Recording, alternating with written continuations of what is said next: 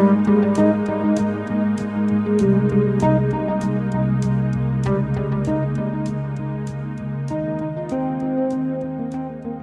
lytter til programmet Kvinner i vinden. Her skal du få møte kvinner som har noe ekstra viktig med seg på jobben trua på Jesus. Intervjuer er May-Britt Liljeros Lauvik, og programmet er produsert av P7 Kristen Riksradio.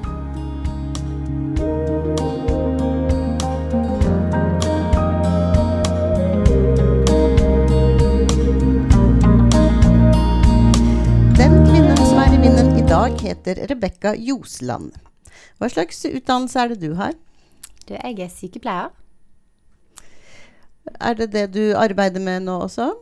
Jeg jobber på sykehus, da. eh, Men eh, jeg jobber i, i sykehusledelsen på Haraldsplass diakonale sykehus som strategi- og samhandlingsdirektør. Hva går det arbeidet ut på, litt mer sånn eh, detaljert da? Jo, det går ut på veldig mye forskjellig. Det, altså, jeg har ansvar for, øverste ansvar for eh, all utdanningsvirksomheten som er på Haraldsplass. Alle, både legene og medisinerstudentene og, og sykepleiere og alle som skal ta utdanning gjennom av praksis hos oss, som koordinerer og passer på at alt blir riktig i forhold til de ulike utdanningsinstitusjonene. Og så har jeg ansvar for samhandlingen med både kommuner og eksterne virksomheter. Og så har jeg òg sånn strategiarbeid og litt sånn lobbyvirksomhet og samfunnskontakt og sånn opp mot politikere og myndighet og ja, med litt sånn bakgrunn fra, fra tidligere erfaringer, så, så, er det en veldig spennende kombinasjon eh, for å prøve å påvirke i, i en, en, fin retning. Hvilke utfordringer møter du i arbeidet?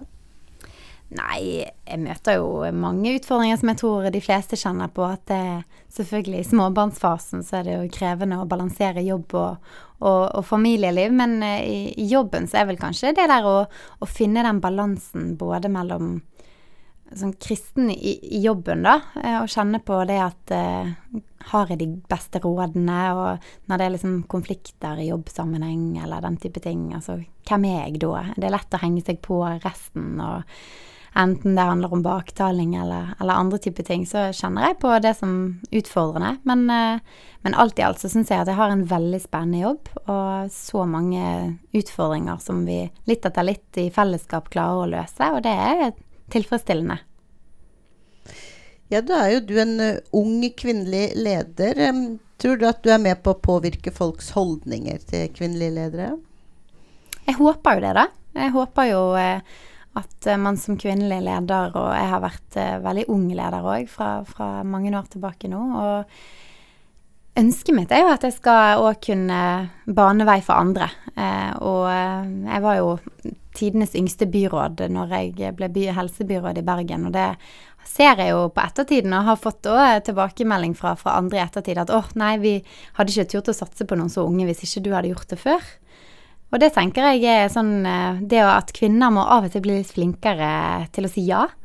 Og til å, å tørre å utfordre seg sjøl og tenke at hvis andre, hvis andre tenker jeg kan gjøre en god jobb på dette, så er det veldig lett at menn ofte tenker ja, ja, men det, det går fint. Eh, og at, at, kvinner lettere begrenser seg sjøl litt. Men, eh, men, jeg håper og tror at uh, når man ser flere og kristne ledere i næringsliv og helsevesen og i skoleverket, og ser at andre kvinner kan, kan gjøre det, så, så, er det flere som tør å henge seg på. Hvilke utfordringer syns du kvinner møter i dagens samfunn? Nei, det er, jo, det er jo, litt forskjellig i Norge og, og rundt om i verden, da. Eh, I verden så handler det jo fortsatt eh, mye om selvfølgelig sånn primær likestilling. Det at kvinner får lov å ta utdanning, og at kvinner får lov til å bestemme over seg sjøl, og at kvinner kan, kan, gå med de klærne de vil, og få tro på det de vil, og sånn. Men, men i norsk sammenheng så tror jeg, og vi har jo kommet utrolig langt, men fortsatt så handler jo mye sånn i, i, i hvert fall i lederskap i, i næringslivet og i, i offentlige virksomheter for så vidt mye om at eh, det er stor forskjell på, på, kvinner og menn, både i lønn og i arbeidsoppgaver, og at vi har fortsatt en liten vei å gå til vi kan si at det er det samme om du er kvinne eller mann i lederstillinger i næringslivet. Og, og så tror jeg jo at kanskje for, for norske kvinner så tror jeg jo kanskje noe av utfordringen er at det er litt sånn vanskelig å balansere familieliv, eh, i hvert fall for, for, de som har det, og, og yrkesliv. At det, det, kreves liksom at man skal være supermamma, man skal være superyrkesaktiv, og man skal være superdatter og supersøster og stille opp på alle måter. Og at det av og til ikke går helt sammen.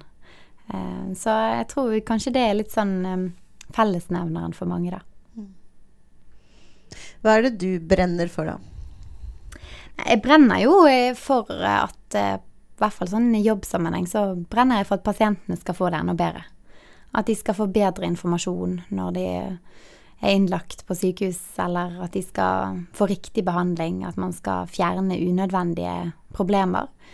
Og så i sånn yrkeslivet generelt så brenner jeg jo for at kristne skal påvirke enda mer, og tørre å tørre å ta sin plass litt mer. At vi ser at vi har behov for alle. Vi har behov for kristne i alle deler av samfunnet. Og enten man er renholdsarbeider eller bussjåfør eller står i kiosk eller sykepleier eller lærer eller jobber i mediebransjen, så, så trenger vi alle.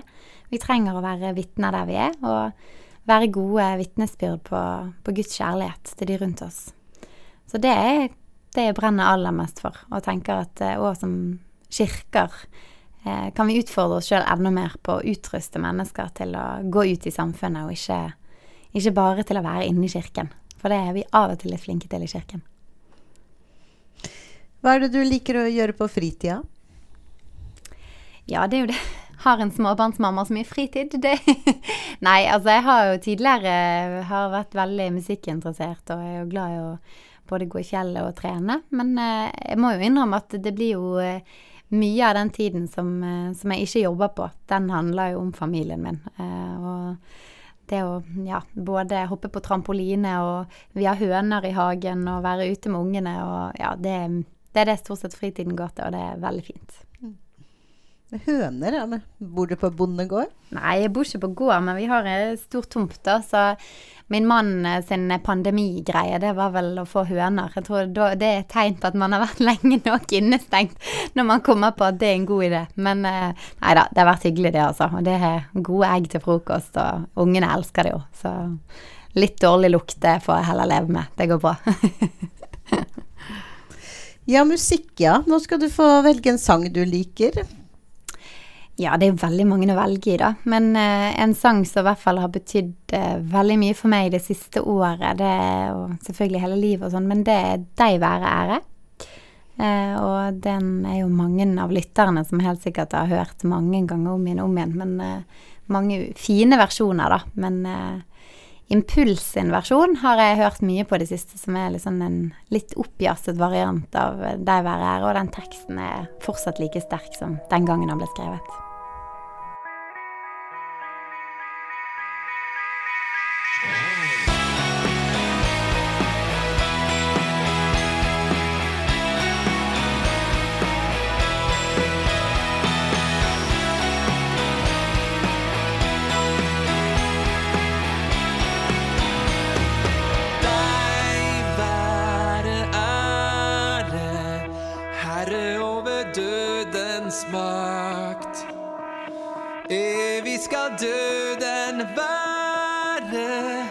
Kristus underlagt.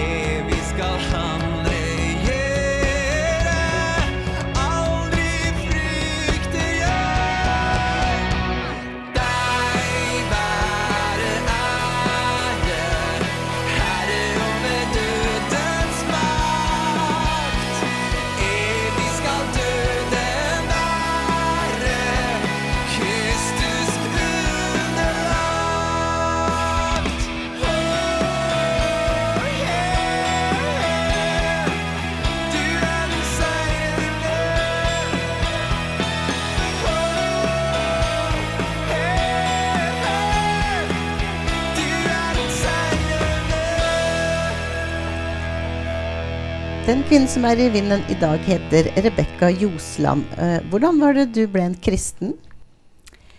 Jeg har jo vokst opp i en kristen familie, eh, og det bærer jo hele livet mitt veldig preg av mye bibelundervisning hjemme og felles lovsangstunder og bønner hjemme, og det har båret meg videre hele livet. Men eh, i ungdomstiden så kommer man jo alle sammen til et punkt der man er nødt til å velge sjøl, og hva, hva, hva er det jeg skal bygge livet mitt på. Og da var det veldig tidlig i tenårene tydelig for meg at Gud eksisterte, og eh, opplevelser med Han som gjorde at det var veldig enkelt valg for meg. Jeg så så tydelig at eh, livet var mye bedre og tryggere eh, med å være i, i hans armer, enten ting går, går ned eller opp i livet.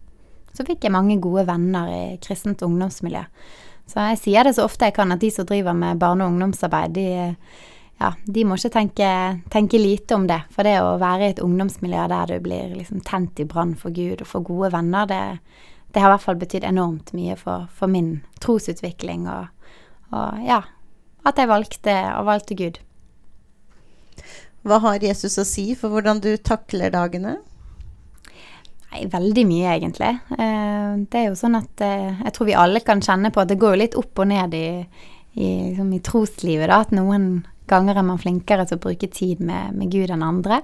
Eh, men det er klart at jeg merker jo veldig stor forskjell på, på de periodene der jeg bruker mer tid, og der jeg prøver å koble meg på før jeg skal på jobb med å be Gud for liksom, denne dagen og de menneskene jeg skal møte, og de valgene jeg skal ta. Og derfor så tenker jeg jo at det betyr jo veldig mye, egentlig, hva, hva Bibelen sier om måten vi skal leve på. Og så skulle jeg jo som sikkert de fleste andre ønske at det preget meg enda mer. Eh, og det er jo alltid en sånn lengsel etter, etter mer av Gud for å være en, en enda bedre medarbeider og enda bedre mamma og kone og ja. Men eh, Jesus er viktig i, i livet. Uten tvil. Har du opplevd noe spesielt i ditt kristenliv? Ja, jeg har jo opplevd mange ulike opplevelser. Eh, jeg tror jo kanskje den sterkeste opplevelsen eh, var i fjor. Eh, fjor høst, eh, min mann fikk påvist kreft, og vi sto med to små barn. Og det var veldig sånn helt totalt sjokk. Jeg hadde aldri tenkt tanken omtrent at det kunne skje i, i 30-årene. Eh, og plutselig så kom det en beskjed midt en fredag i min permisjon med minstemann om at eh, de hadde funnet en stor svulst i magen.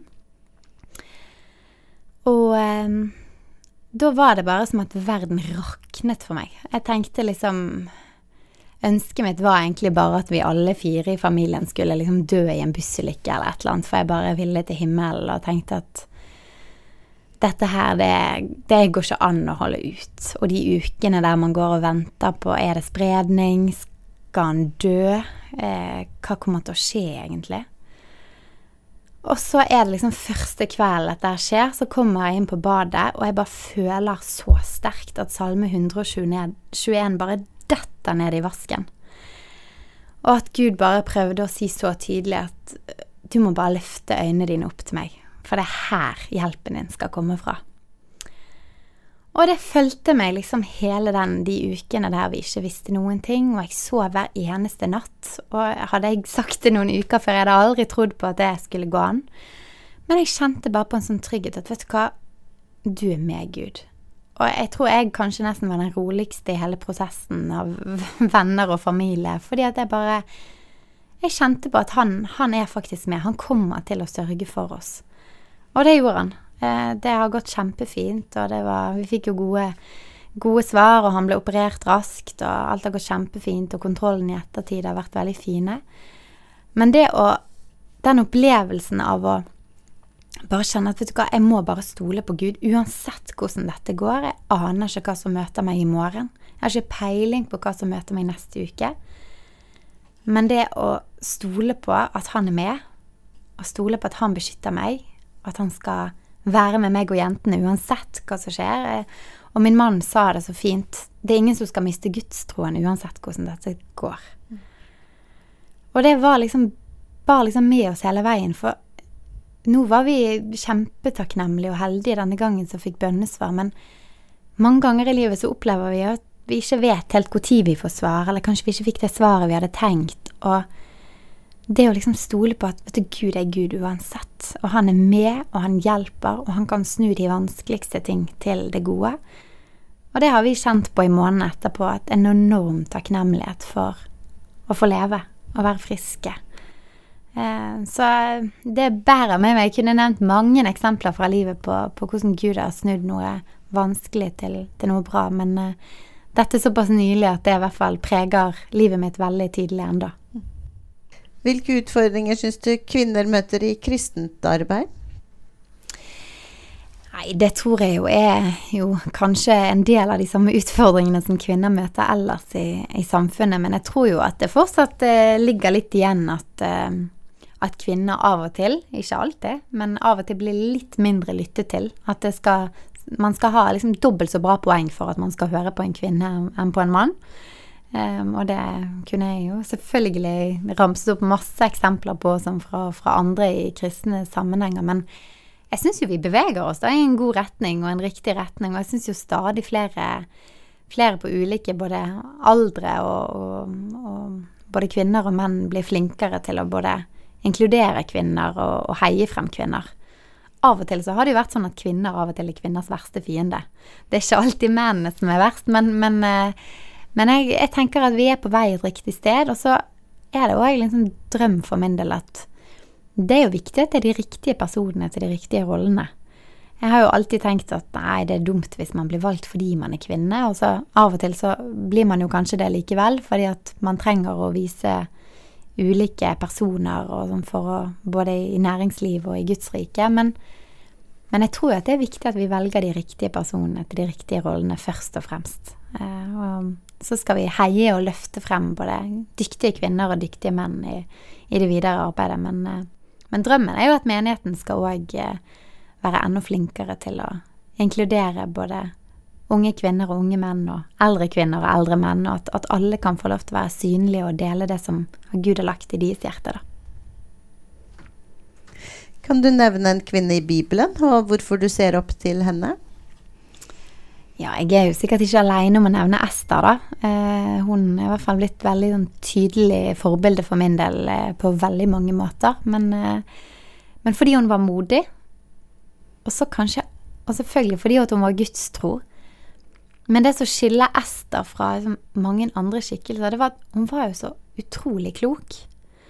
Ehm, hun ventet liksom til, til tiden var inne. Hun buste ikke ut. Av og til kan jeg tenke liksom ah, Jeg har prøvd å relatere det med Ester litt til, til kristenlivet. da, fordi at av og til er det litt lett å si hei, jeg heter Rebekka, jeg er kristen, og jeg har sånn og sånn, og jeg drikker ikke alkohol, og liksom komme med alle de vanskelige tingene som, som i andre sammenhenger med en gang, da.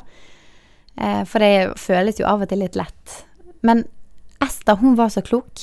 Altså, ektemannen hennes, kongen, visste ikke at hun var jøde engang. Eh, altså, hun klarte liksom å, å være på en sånn Bruke posisjonen sin på en lur måte. Og det tenker jeg av og til har blitt viktig for meg, både i selvfølgelig politikken, men, men også i andre roller. At vi, vi trenger ikke å si alt med en gang. Vi må være litt kloke i måten vi legger frem ting på. Vi trenger ikke være så konfronterende alltid, eller å gå i strupen på, på motargumentene på alle mulige måter. Vi kan være litt kloke og si ting på en fornuftig måte, så alle kan forstå.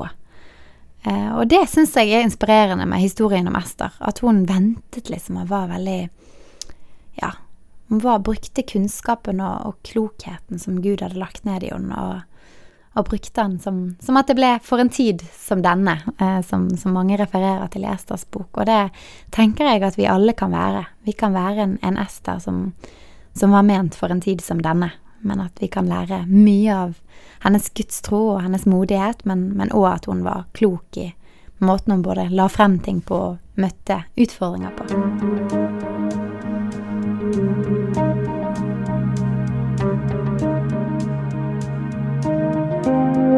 Du har lytta til programmet Kvinner i vinden.